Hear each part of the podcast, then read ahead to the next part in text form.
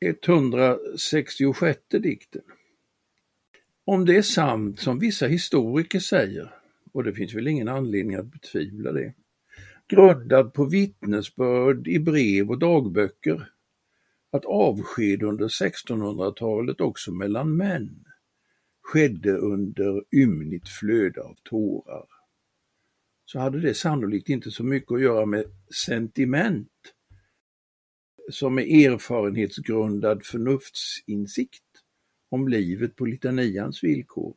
Pest och hungersnöd, krig och örlig, uppror och tvedräkt, ond, bråd död och den eviga döden.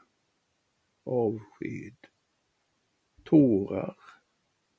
Öga mot öga, kind mot kind, mun mot mun, bröst mot bröst, hand i hand värme mot köld, andedräkt mot hud, rosigt mot gulblekt älskogssvett mot likstank, mjuka lemmar mot dödsstillhet, tårar, avsked, tårar.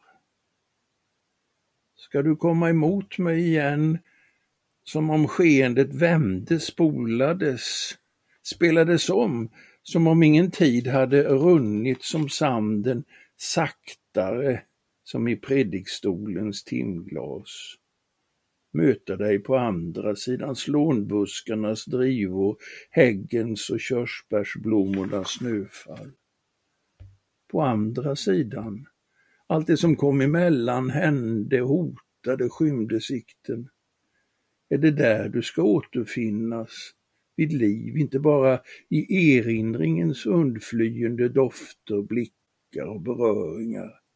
Inte längre i de sönderlästa breven, men röst allt mer fjärran, svagare, ett offer för tiden. Ska du komma emot mig på andra sidan?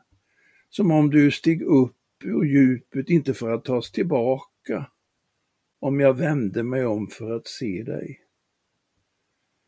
ska du återfinnas i detta enda ögonblick när avskedets tårar samlats i återseendet och förvandlats. Om det är så, kan jag låta dig gå utan tårar.